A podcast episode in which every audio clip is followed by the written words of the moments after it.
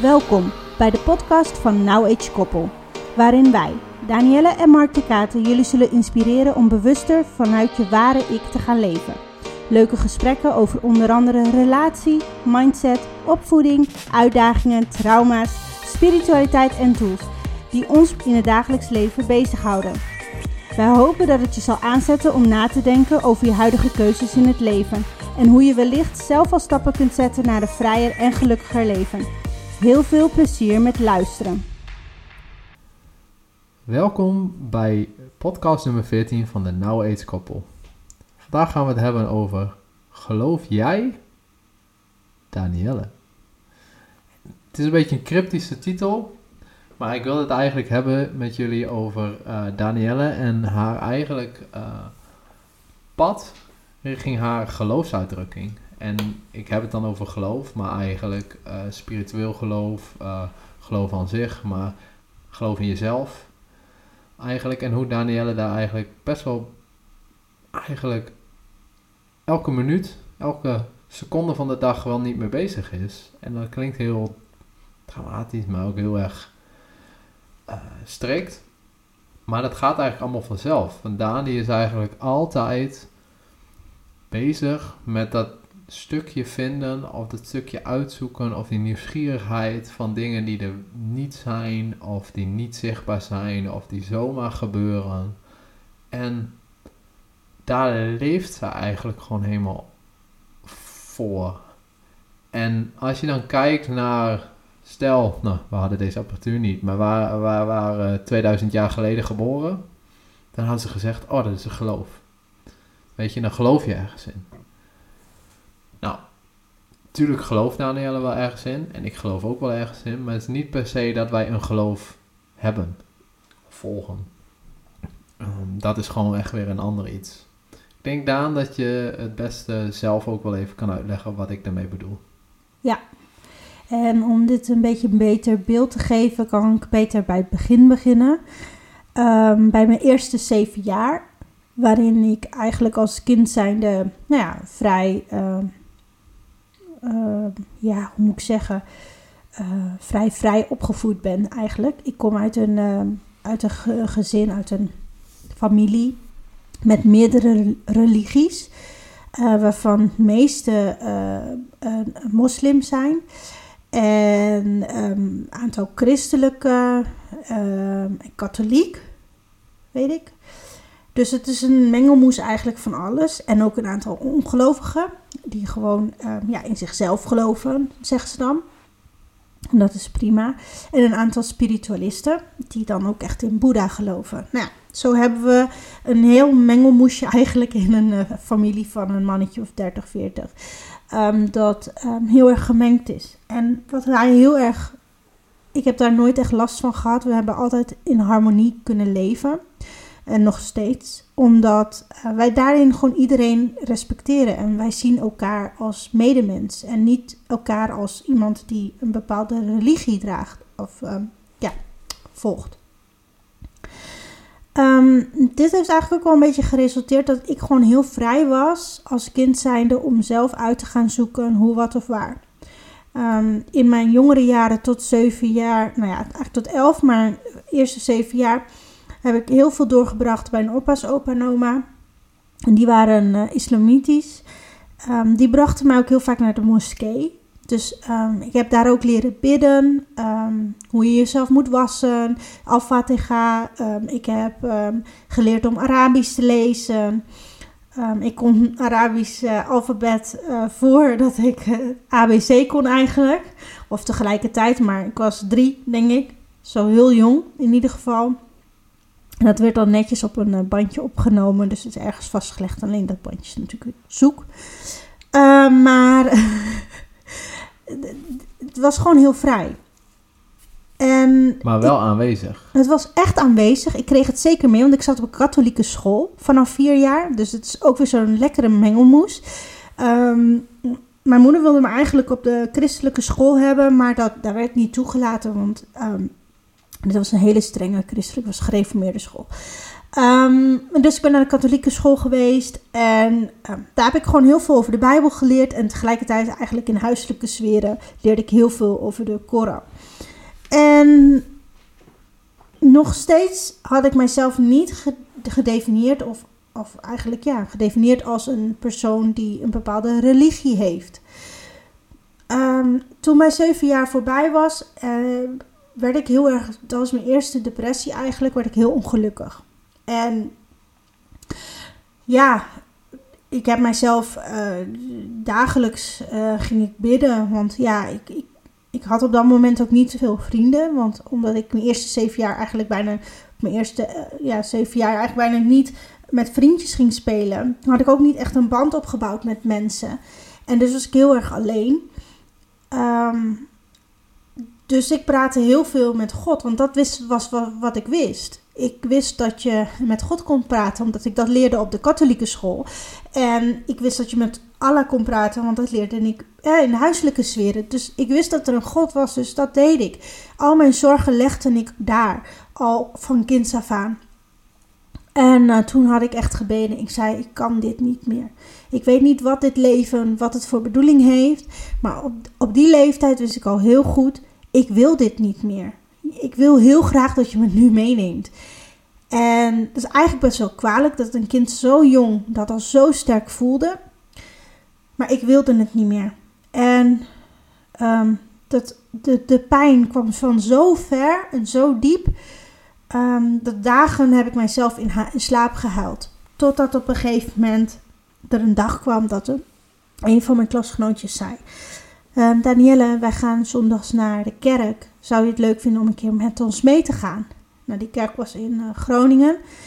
En ik ben dit meisje nog steeds heel erg dankbaar, want um, dat heeft echt mijn leven veranderd.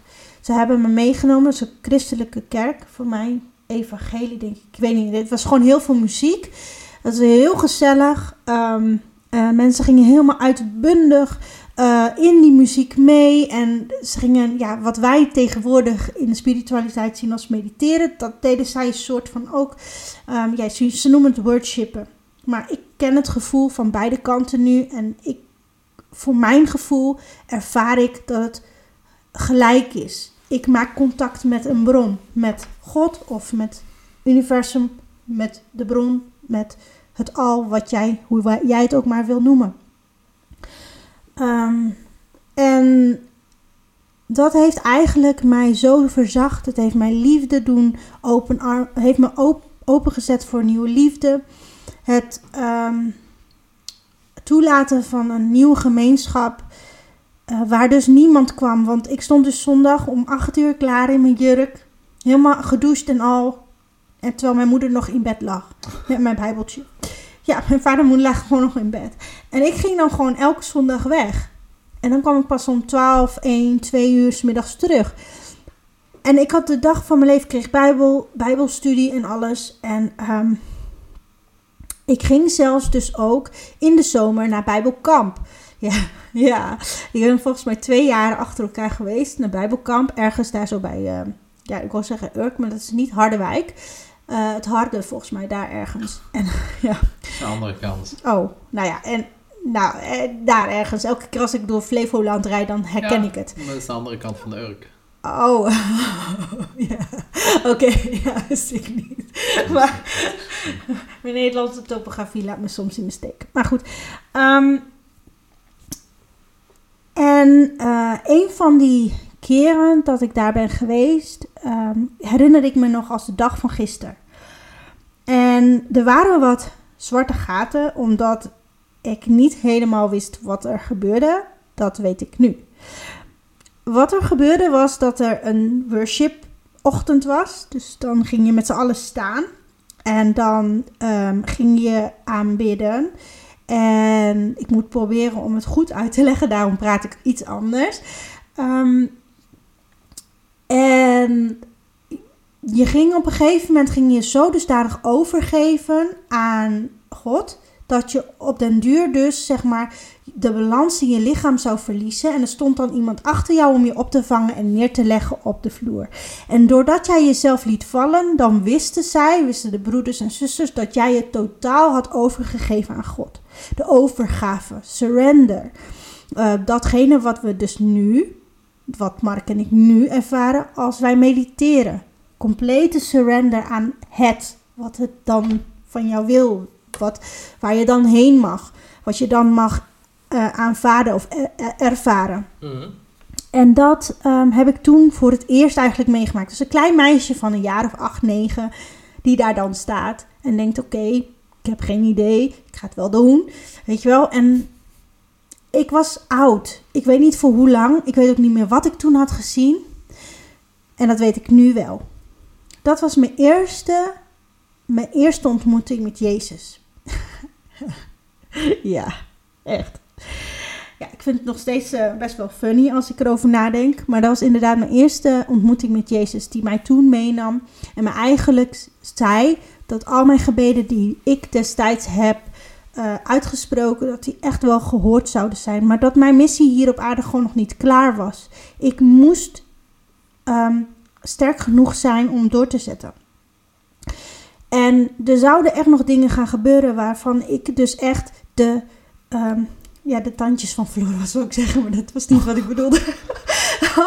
oh, mijn woordenschat vandaag echt verschrikkelijk. Maar sorry daarvoor. Maar um, uh, wat wil ik zeggen? Ja, er zouden dingen gaan gebeuren in het leven vanaf dat moment nog, waarvan ik echt zou denken weer van, ik wil dit niet meer. Haal me weg. Ik, ik, ik wil niet meer dat je mij hier door deze gruwels heen houdt.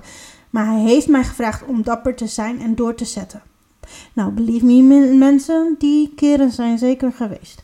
En die momenten zijn er zeker geweest dat ik weer dacht: ik wil dit niet. Um, mijn uh, mijn tijd in de kerk was ongeveer drie jaar. Of zoiets, drie, vier jaar. Daarna sloot de kerk in, uh, in uh, Groningen en zou die verplaatst worden naar Hoge Zand. Toen ben ik niet meer gegaan. Um, toen hebben de kerk en ik eigenlijk afstand van elkaar gedaan. Ik ben op mijn eigen houtje verder gegaan. En ik heb altijd nog wel, zeg maar, de Bijbel bij mijn hart gehad. En nog wel altijd um, een bepaalde respect ervoor gehad, zeg maar. Ik heb mij mhm. dan ook nooit echt een christen genoemd, omdat um, ik was niet gedoopt.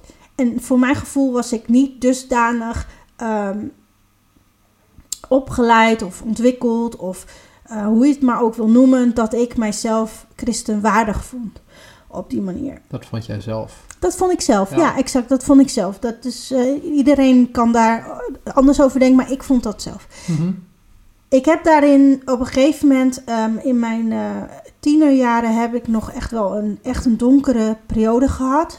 Een donkere episode. en daar was weer iemand. Ik ging dus, uh, ik was een jaar of 12, 13. En toen ging ik naar Isla Margarita, of all places. En we waren daar op vakantie en daar kwam ik twee meiden tegen. Eén kwam uit Brabant en de andere uit Zeeland. En deze uit Zeeland die was heel lief. En um, een deel van Brabant overigens ook. En toen we terugkwamen in, uh, in Nederland had ik ook met hun afgesproken om ze dan weer een keer te zien. Nou, een uh, meisje uit Zeeland kwam dus met haar hele familie over naar Groningen, naar Hoogzand. En die kwam dus bij ons op bezoek. En die hadden dan ergens een hotel geregeld. En dus um, hadden wij een hele dag samen besteed. Het was toevallig Koninginnedag toen. De dag daarna was het natuurlijk zondag. Dus zij gingen netjes naar de kerk, zoals ze het altijd deden. Waar zij ook waren, als er een kerk was, gingen zij naar de kerk zondag. En dus vroegen ze mij, ga je ook mee? Oké, het is wel, weet je, zij waren Jehovah-getuigen. Heel iets anders. Oké, ik denk, nou ja, ik ga wel mee. Ik ben, ik ben wel benieuwd, wat is dat dan? Wie is dat dan? Ja, en heel veel mensen um, zullen we hebben gedacht, daar ga je toch echt niet heen, Danielle. Ja, daar ging ik gewoon heen. Ik, ik stond overal voor open en ik had zoiets van, als zij een bijbel dragen met een bepaalde ding, dan ben ik open om daarin mhm. te luisteren. Ik ben gewoon heel, inderdaad, nieuwsgierig, leergierig en wil alles eigenlijk binnenste buiten keren. En ik ben dan echt benieuwd, wat is er dan zo anders? Waarom denken mensen zo, hè? Waarom hebben mensen dat zo'n oordeel? Ja, ik ben ook al die deuren langs gegaan al die jaren dat ik, hè, ik was daar en dan iets minder dan een jaar, ben ik ook al die deuren langs gegaan op zondag. Maar ik zag niet in waarom dat erg was om het woord van God dan te verspreiden. Ja, en weet je, ehm, in die jaar dat ik dus bij de Jehovah getuigen ben geweest, daarin heb ik ook bijbelles gehad. Elke woensdag kreeg ik bijbelles. Uh, om me bij te scholen eigenlijk, om ja, dingen te leren die ik nog niet wist. Vond ik super interessant. Ja, en ik nam ook heel veel dingen gewoon aan, omdat het voor mij heel logisch klonk. Tot het moment dat ik mijn verjaardag niet meer mocht vieren. En, en, ik was bijna jarig. Dat was het moment voor mij to step out. Want dat was voor mij een no, no, no, no, no, no, no, no. Oké. Vind, ik ook wel, vind ik ook wel iets hoor, om, om niet te vieren dat je geboren bent.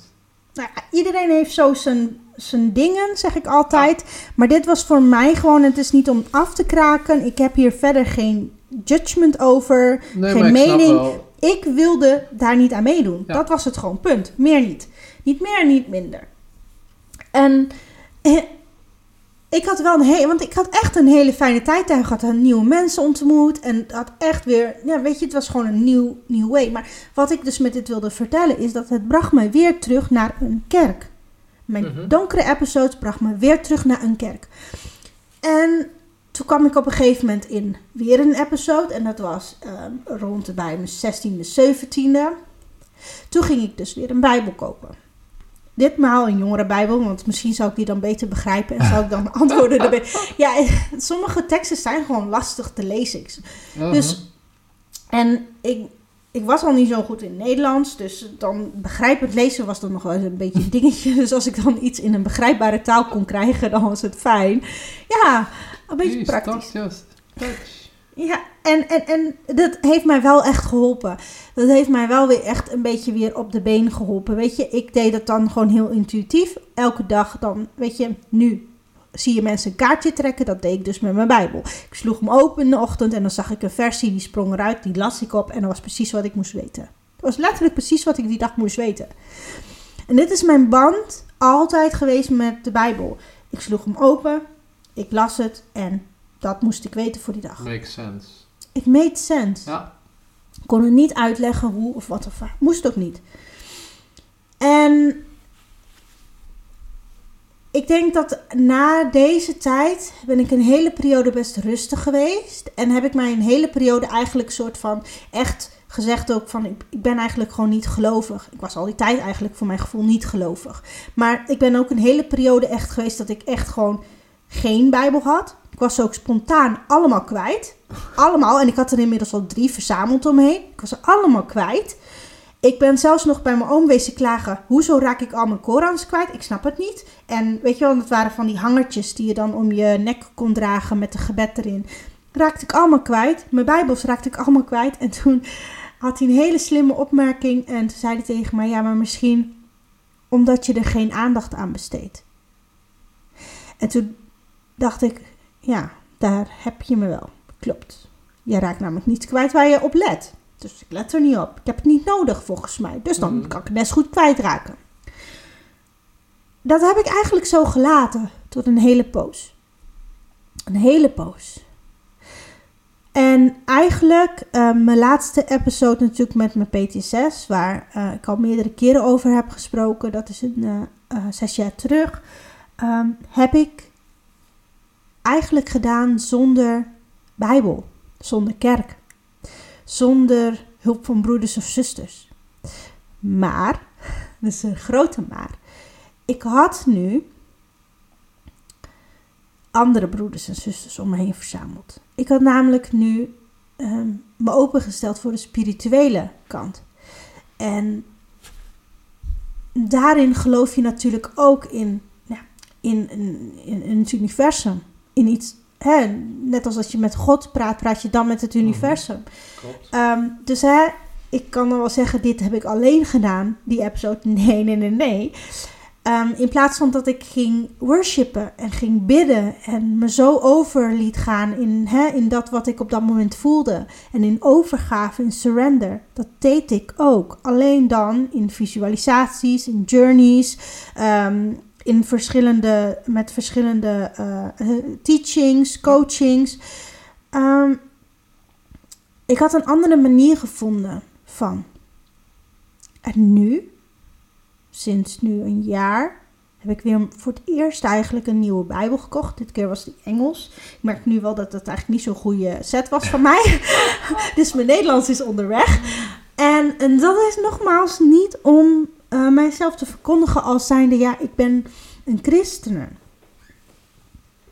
Het is echt om, uh, omdat ik weet um, dat een van mijn gidsen, die er altijd is geweest, me altijd heeft gedragen, dat is Jezus. En als dit boek van Jezus, hè, dit boek is zijn, uh, ja, hoe zeg je het, vertaling, zijn, zijn, zijn leven, zijn lessen staan erin, zijn, zijn teachings. Dan is er iets wat ik nog van hem mag leren. Dat staat waarschijnlijk erin. Wat dat dan precies is, I have no clue. Maar dat laat ik dan gewoon voor wat het is. Weet je, ik, ik ga dan niet aan mezelf uh, moeilijk lopen doen en denken: ja, ik, ik kan, ja, dat doe ik niet. Ga niet uh, erin duiken, want uh, dan, dan, dan moet je ook naar de kerk, dan moet je ook dit, dan moet je ook zus. En ja, er zijn wel mensen waar ik hiermee brainstorm, waar ik soms wel dit bij neerleg van: goh, soms twijfel ik echt aan mezelf van: weet je, wat ben ik dan eigenlijk? Ben ik dat dan wel? Ben ik dat dan niet? Ik vind het lastig, want als ik met spiritualisten praat, dan voel ik me een vreemde eend in de bijt. Als ik met christenen praat, dan voel ik me een vreemde eend in de bijt. Als ik met atheïsten praat, voel ik dat. Maakt het uit? Nee, exact. Want ik denk dat dat een beetje, eigenlijk een beetje, het belangrijkste is wat je nu ook aangeeft, is dat het maakt niet uit wie of wat je bent. Het maakt ook niet uit waar je in gelooft. Want niet elke regel hoef jij in te geloven wat in een boek staat. En of dat nu de Bijbel is, de Koran of de Torah of een spiritueel boek. Oh ja, over de Torah gesproken, dat klopt. Ik werk nu tegenwoordig met uh, letters van Kabbalah. Dus weet je, ja. Ben... En het maakt niet, zeg maar, jij gelooft gewoon in de dingen die je leest. En ja. dat wat jij leest, en daar zijn dan dingen, daar geloof jij in. Maar dat maakt jou niet, of jij, jij hebt niet nodig om je dan te profileren of te zeggen van ik ben christen of ik ben moslim. Ik hoef me nergens mee te identificeren. Ik ben, nee. ik ben spiritueel of ik ben dit. Want je bent het allemaal en je bent het ook allemaal niet. Exact. Ja. Precies. En ja, dit heeft nu weer voor gezorgd dat je weer, weer een Bijbel koopt, omdat je nog steeds niet het juiste boekje hebt. Nee. Waar voor jou de dingen in staan die jij het best begrijpt. En dat is de reden dat je nu de vijfde? Ja. De vijfde Bijbel hebt aangeschaft. Nou ja, prima, zo so be it. Weet je, mensen kopen ook uh, vijf keer een boek. Ja. Een ander boek. Ja. Zo heb ik volgens mij zelfs hier ook ergens twee dezelfde boeken in de kast staan. Of had.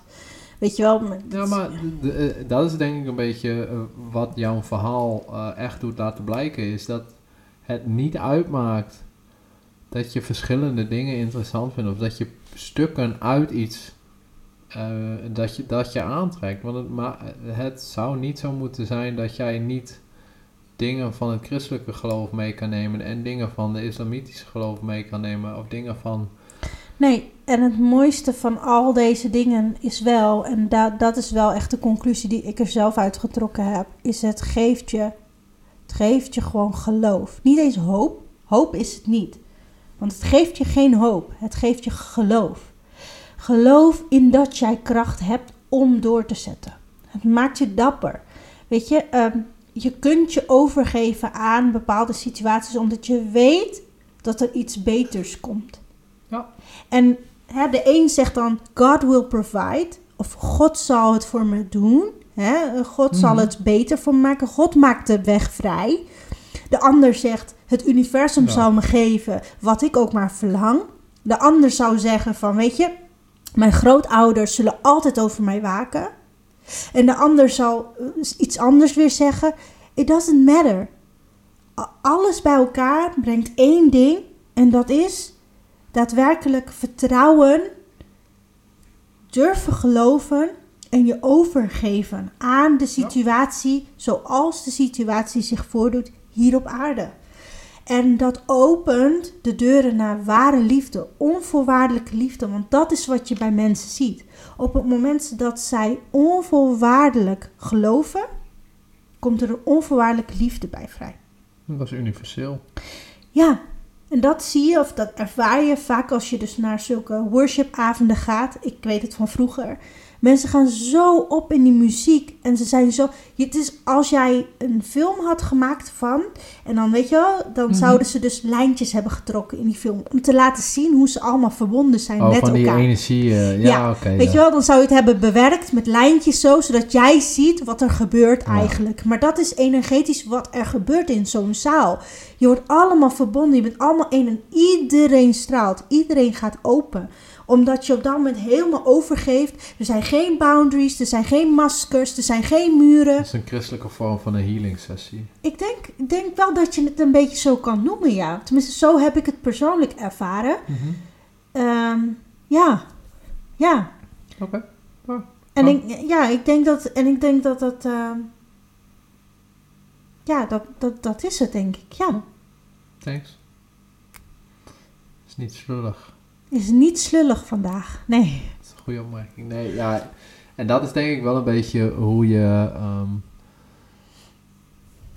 waarom je dit ook graag wilde vertellen is omdat we wel een beetje meekrijgen dat mensen nu eigenlijk een beetje doordraven in het zich willen identificeren in iets. Ja, Klopt dat? Ja. Klopt het een beetje wat ik... Hoe, Ja. hoe ik dat...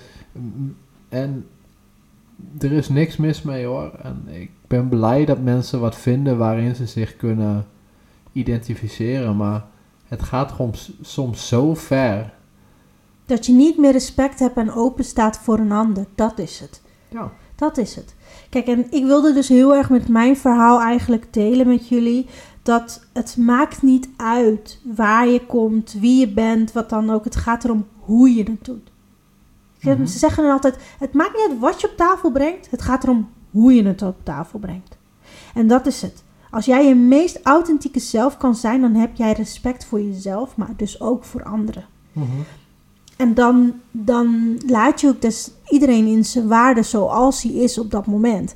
En dat betekent in dit geval ehm, accepteren dat er meerdere, meerdere vormen zijn waarop je bepaalde dingen kunt uitleggen. Maar er zijn ook meerdere manieren waarop je dus bepaalde dingen kan uitleggen. En we bedoelen allemaal hetzelfde. Ja, en dat je meerdere manieren hebt om ergens in te geloven. En ik denk dat ik daar een goed voorbeeld ben van iemand die vanuit een best wel eh, negatief beeld van geloof. ehm, en dat komt ook deels door eh, het dorp waar ik ben opgegroeid. En voornamelijk ook eh, mijn vader, die daar gewoon echt eh, wel, in, wel in getraumatiseerd is. Mhm. Ehm, het dorp was zwaar gereformeerd en mijn, mijn familie niet. Die, was, die geloofde niet. Tenminste, die ging niet naar de kerk, laat ik het zo noemen. En ja, dat heeft mijn vader wel altijd mee, meegegeven. Dat, dat als je christelijk gereformeerd was, ja, dat was gewoon niet zo positief. Eh, hij is nu wel wat milder geworden. Dat is ook met de jaren wordt dat wat minder. Maar kijk, als je dat meekrijgt. Het is gewoon een wond. Ja, en Ja. dan dat, die geeft hij mee aan mij. En daardoor stond ik best wel eh, kritisch tegenover geloof in het algemeen. Ja, want toen ik begon over spiritualiteit was het ook gelijk van, nou, de- de- Ja. als ik het maar niet hoef. En daar ben ik wel heel erg in geshift. Want eh, diep in mijn onderbewustzijn wist ik dat er iets was. Eh, wist ik dat er iets was wat wij niet konden beschrijven. En daar begon ik zelf ook in te geloven. En daar geloof ik nu nog steeds in. En hoe je het wil noemen of wat dan ook, ja, dat is voor iedereen voor zich. Of het nou universum is, of het nou God is, of het Allah is. Maakt niet uit. Ik geloof wel in dat er iets is boven ons. En dat er iets is eh, die zorgt voor bepaalde dingen. Stuwing, waarom je intuïtie, waarom ga je ergens voor en waarom niet. En eh, ik geloof ook heel erg in mezelf. Wat ook een vorm van geloof is. Ja. Ik geloof niet zo ver in mezelf dat ik mijzelf boven, eh, laat ik het nu even het universum of God zou zetten. Ja. Dat niet. Nee, want je hebt inderdaad ook stromingen die zeggen, ik ben God. Dat eh, zelf geloof ik dat ook niet. Kijk, ehm, iedereen mag geloven wat hij zelf wil.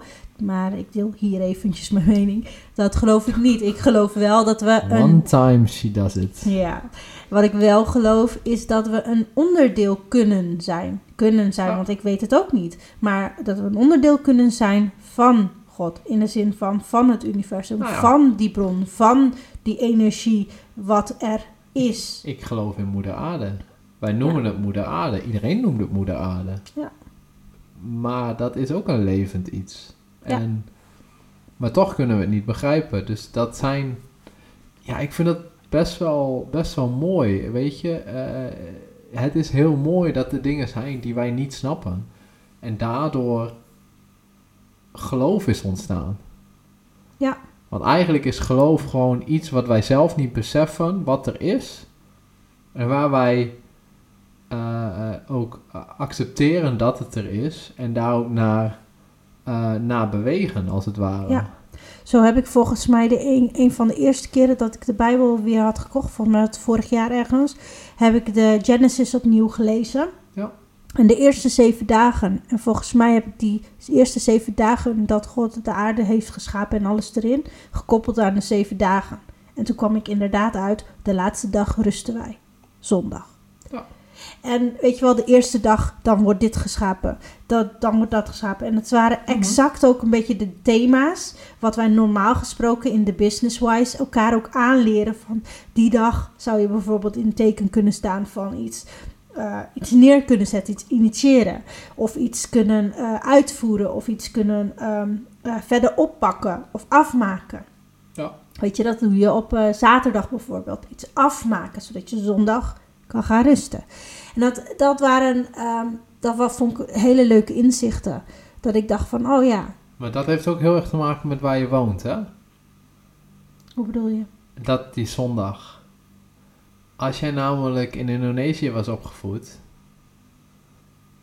En de islamitische kalender was de. eh, eh, Mhm. Dan is zondag geen vrije dag. Nee, zo bedoel je dat, ja. Ja, En, en nu is mijn kennis van de, eh, van de islam is te weinig om te zeggen wat hun rustdag is. Die, eh, dat weet ik niet. Maar dan zou het misschien een andere dag kunnen zijn. Vraag, hè? Ja, ik weet hem niet. ik zit ook na te denken, nee, nee, zo nu. Die kan- houden jullie van ons te goed. Maar Nou, eh, bij wijze van, dat heeft er heel erg te maken met waar je, waar je leeft. Je weet waar- dat ik nog steeds een eh, open het en open Anja heb. Hè. Feiten doen me niks. Dus nee, ik kom hier niet op terug. Maar het, het- het is ook Oh, niet ja. belangrijk. Maar ehm, het, is wel mooi iets dat je zegt inderdaad. Ehm, het maakt uit waar je woont. Klopt, ja. Maar eigenlijk ook weer niet, weet je wel. Het is, eh, het ma- kijk, ja, oké. Zondag, specifiek de zondag rusten. Dat, maar het gaat er even om dat je De een rust, dag? Ja. dat je een dag rust. Dat je de hele tijd hè, dagen naar iets toe werkt en dan die laatste dag Mhm. even in die overgave kunt gaan. Even helemaal uit kunt gaan. Hoeveel mensen doen dat nog vandaag de dag? Hoeveel mensen leven er letterlijk nog volgens die, die oude... Zondag, Nou, die rustdag. ja, maar hoeveel mensen rusten dan Ja, letterlijk? maar dat, die- Ja. dat is wel een goede vraag. Weet je, en wat is rusten? Hè? Kijk, eh, volgens mij is de zondag bedoeld om te rusten, om echt terug te trekken met je gezin. En met, ik kan zeggen, wij doen het wel. Ik weet dat wij er echt wel proberen om echt niks te plannen op zondag. En Dat om echt van wel. de redenen dat ik weer op zaterdag ben gaan voetballen. Ja. En dat wij ook echt zondag gewoon echt een soort van pyjamadag kunnen houden. En dat we gewoon letterlijk nergens heen gaan dan boswandeling of wat dan ook. Maar dat we echt even met elkaar zijn. Soms moeten we wel auto rijden omdat we dan bijvoorbeeld in, bij familie zijn. Maar ook dan. Ah, spelletje beverbende kan wel op zondag, toch? Ja, dat kan wel. Dan kan wel. Nee, nou ja, ik denk dat, dat, dat het zo, dat je best wel mooi hebt verwoord, zeg maar, hoe dat gegroeid is bij jou. En, en dat de- bepaalde dingen gewoon elke keer weer terugkwamen en waarom. En dat, dat geloof, gewoon het woord geloof, voor jou heel erg belangrijk is. Ja, en wat, wat ik nu heel erg merk, en dat was volgens mij ook waarom ik zei van het lijkt me heel handig om hier een podcast over te maken, is omdat inderdaad ik het gewoon jammer vind dat, om te zien dat het gewoon soms een beetje uit zijn verband wordt getrokken. Dat mensen doordraven, dat ze ehm, nou, rechter van de dag gaan spelen voor elkaar. Mhm. Terwijl dat helemaal niet zo bedoeld is. En ehm, dat de reden, wat jij ook altijd tegen mij zei, van weet je wel, ehm, dat de dag dat de kerk terugkwam, ge- gingen de militairen harder vechten. Oh, Omdat dat- ze geloof hadden. Ja, maar dat zijn wel van die dingen. Kijk, dat is voor mij wat, wat, wat ik bedoelde te zeggen met deze podcast. Ehm, een religie opent jouw weg terug naar een bepaald geloof. Geloof in jezelf, geloof in Mhm. hoger iets, dat is prima. Maar het, dat geloof zorgt ervoor dat jouw hart opent. Dat jouw hart opent voor ware liefde. Dat jouw hart opent voor liefde en licht. Waardoor jij kracht krijgt. En waardoor jij jezelf door bepaalde situaties heen kan halen. Ja. Waarom kunnen mensen eh, heel veel zondes begaan als ze naar de kerk gaan? Omdat ze dat kunnen dragen. En zoals ik ook, ik had donkere episodes in mijn leven. Ik kon die dragen, omdat ik elke keer weer terug ben gekomen bij een kerk of bij Ja. een om mijn geloof te herstellen in mezelf. Want ik kon niet meer in die donkere episodes mezelf zien voor wie ik werkelijk was. Liefde en licht. En de beste bedoelingen daar. Ik zag alleen maar alle negativiteit. En dat moet je van jezelf af kunnen wassen. En dat kunnen heel veel mensen als zij dus ja, zichzelf onderdopelen in een religie. Of nu wat je heel veel ziet, hè, spiritualisten gaan dan vervolgens zichzelf healen. Mhm. Maar als je dat doet, het een of het ander, vergeet niet waarom je het doet. Ja. Dat was eigenlijk even wat, wat ik hiermee wilde eh, verduidelijken. Vergeet niet waarom je het doet. Ehm, want dat is het belangrijkste. Het is niet wat je doet, maar het is hoe je het doet. Ik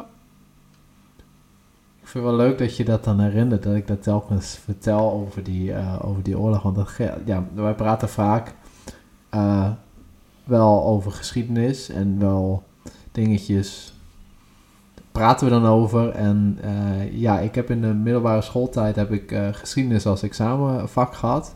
Daar ben ik heel blij mee. Helaas, mijn geschiedenisdocent, wat een super toffe leraar is, die is er helaas niet meer. Menke. En eh, Menke die vertelde ons over eh, eh, Rusland tijdens de Tweede Wereldoorlog. En dat was een hele bijzondere man aan de macht. Die heette Stalin. En Menke kon dat op zo'n, nou als je dan 16 bent, op een beetje een sarcastische, maar wel heel gevatte manier kon die, kon die dat vertellen. En Stalin die had inderdaad in het begin van de Tweede Wereldoorlog, of net iets ervoor, had hij de Russisch-Orthodoxe kerk had hij verboden. Vanuit het communisme was dat niet passend dat er geloof was. Tijdens de Tweede Wereldoorlog kwam hij dus achter dat, zijn, eh, dat hij dus eh, slagen verloor en dat zijn leger dus niet zo sterk was als dat hij dacht dat hij was. Zijn mannen die vochten niet zo hard. Toen ging hij dus experimenteren en liet hij dus de Russisch-Orthodoxe kerk alleen maar eh, orthodoxe kerk alleen maar terugkomen op het slagveld. En bij Rimpel, die mannen die gingen dus harder vechten daardoor. En dat heeft Danielle dus, zeg maar, dat, dat laatste beetje kerk en harde vechten, dat heeft ze dan eh, onthouden. Dus dat vind ik wel, ja, bijzonder. Ja, hoe maar dat, dat, is, werkt. Ja, maar dit is wel echt een heel mooi voorbeeld van de geschiedenis dan. Ehm, wat eigenlijk ook een klein beetje samenvat in mijn leven. Hè, Mhm. Hoe mijn pad tot nu toe is geweest. En hoe ik daar de kracht eigenlijk heb uitgeput. En, en mijn eigen kracht eigenlijk heb released. Hè, geheropend. Om vervolgens te kunnen doorstappen in dit leven. Ja. Ehm, want ja, wat je ook meemaakt, waar je ook staat in het leven, ehm, hoe zwaar jouw, eh, of hoe moeilijk jouw pad is of is geweest. Ik geloof ergens wel dat wij krijgen wat we kunnen dragen. Alleen, we mogen zelf herinneren dat we het kunnen dragen. En dat herinneren dat je het kan dragen, dat kun je dus op verschillende manieren doen. Maar het is belangrijk dat je dus bij jezelf gaat nadenken van hoe haal ik deze kracht terug bij mezelf. En als je dat doet, dan kun je ook terugkomen op mijn woord en zeggen dat klopt Danielle, je krijgt wat je kunt dragen. Ja. Het maakt je namelijk alleen maar sterker. dat wat jij hebt ervaren, waar jij misschien nu doorheen gaat, ehm, dat is niet iets wat je buurman of buurvrouw meemaakt of mee heeft gemaakt. En ook al staat hij of is er iemand die letterlijk in diezelfde positie heeft gestaan omdat hij er of bij was. Iedere, ieder persoon ervaart een situatie, een gelijke situatie anders. De imprinting, de impact is altijd anders. Wij kunnen daarom ook echt niet oordelen over elkaar of iets echt moeilijk is of iets echt zwaar is. En dit is ook waarom ik heel lastig vind, en dit benadruk ik ook echt, heel lastig vind dat wij een judging systeem hebben, waarin wij judgen over elkaar of iets wel of niet door de beugel kan. Ik vind dat lastig, omdat er altijd meerdere, meerdere kanten van een verhaal is. En ehm, daarin vind ik dat wij als humanity gewoon nog heel veel kunnen leren. En on that note, I leave it there. Want um, dit is gewoon een beladen onderwerp. En daar kun je gewoon heel lang over blijven praten en discussiëren. En dat hoeft niet. Nee, dat snap ik. Nou, ik wil in ieder geval de mensen die nu nog aan het luisteren zijn bedanken dat jullie het einde van onze podcast hebben gehaald. Nee, dat is... Yay! Woehoe. Nee. Ehm, en ik wil, ja, uh, ik hoop dat jullie ook maar weer 1% uh, aan inspiratie hebben opgedaan tijdens deze podcast. Want dit was wel een, uh, een podcast waar wij zelf best wel lang over hebben gedacht of we dit wel of niet zouden willen delen. Omdat we Ja. weten dat geloof in het algemeen best wel beladen is. En daar heel veel meningen en emoties bij vrijkomen. Dus ik hoop dat we dit zo leuk en Objectief, Objectief. en neutraal mogelijk hebben kunnen vertellen. ja. En dit is gewoon eh, het verhaal van Danielle en een beetje van mij erbij. En ja, daar willen we jullie gewoon weer voor bedanken dat jullie naar ons geluisterd hebben. En vergeet ons niet te volgen op Instagram, LinkedIn, Spotify. LinkedIn niet, schatje. Oh. ik ben hier gewoon altijd heel, heel slecht in. Ed, nou Every, everywhere where you can find us at Now Each Couple. koppel. Fijne avond, lieve mensen. Doei! Dit was weer een leuke aflevering van onze podcast. We hopen dat je hebt genoten van de informatie die we zojuist met je hebben gedeeld. Het zou super tof zijn als je een review achter zou laten en of via socials laat weten dat je onze podcast hebt geluisterd. Vergeet ons dan niet te taggen at NowAgeKoppel. We hopen zo steeds meer mensen te kunnen bereiken die mogelijk net als jij geïnspireerd kunnen worden door onze ervaringen. Tot de volgende aflevering van Now Age Koppel.